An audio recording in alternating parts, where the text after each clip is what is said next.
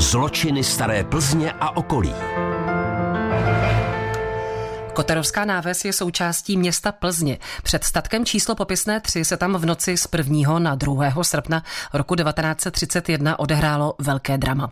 Události později dokonce inspirovaly tvůrce známého českého televizního seriálu Četnické humoresky v dílu nazvaném Svatba.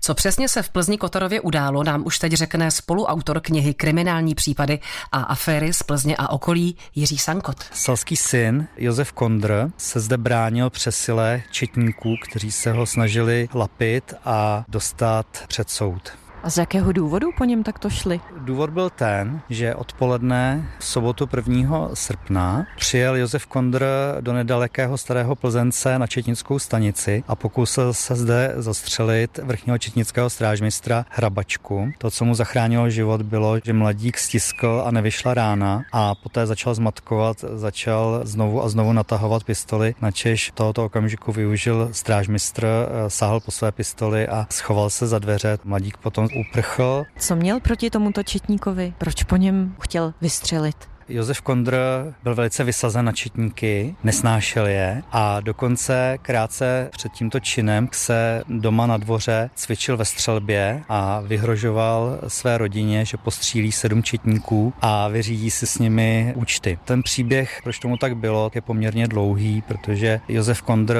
byl jedním z několika dětí sedláka Františka Kondra, majitele tohoto statku. Byl nezvedeným synem, který dělal neustále svému otce problémy, dokonce údajně došlo i na fyzické násilí vůči otci, matku údajně záměrně opařil. Takže už měl v minulosti nějaké problémy s četníky? Ano, protože ta agresivita u něho nerostla jenom v rámci rodiny, ale on byl poměrně nebezpečný i pro své okolí. Dostal se do vězení za pokus o znásilnění. Při rvačce z kluky ve vsi jednomu z nich vyrazil oko, takže měl problémy v podstatě v celém Koterově.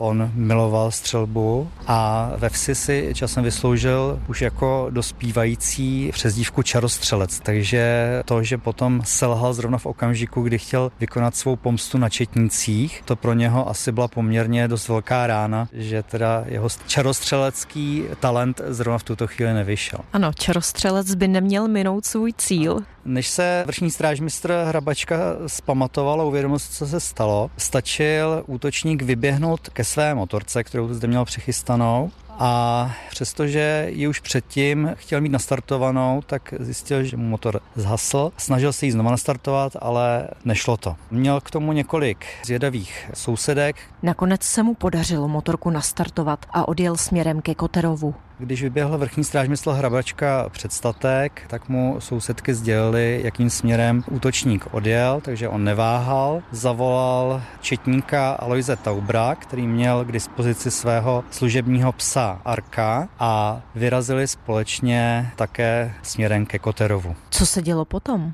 Když dorazili do Koterova, našli před statkem celou rodinu sedláka Kondra s výjimkou Josefa Kondra, který se začal opevňovat ve statku svých rodičů. Je krátce předtím vyhnal se zbraní v ruce. Pouze svému nejmladšímu bratrovi stačilo sdělit, že mu odkazuje svůj motocykl. Následně se vybavil nožem, dlouhou puškou, svojí pistolí, vzal si náboje a šel se schovat někam do podkroví tohoto statku. Nikdo však nevěděl, kde přesně se Kondr ukrývá. Četníci původně plánovali, že vtrhnou na dvůr a pokusí se Josefa Kondra okamžitě zatknout, před čímž je varoval jeho otec, který svého syna velice dobře znal, věděl, jaké má střelecké schopnosti a věděl, že se umí poměrně dobře ukrývat a že ten prostor prostě zná a že by byli četníci ve veliké nevýhodě, proto je varoval, aby se na dvůr nepouštili s tím, aby počkali, až bude jasné teda, kde se přesně nachází. Takovýmhle způsobem zde situace pokračovala za velkého zájmu místních obyvatel obyvatel až do večera, kdy si jedna ze služek všimla, že nad obytným stavením se objevilo na půdě světílko a všichni teda věděli, že Josef Kondr se eh, nachází v tomto prostoru. Popisuje dramatické okamžiky Jiří Sankot.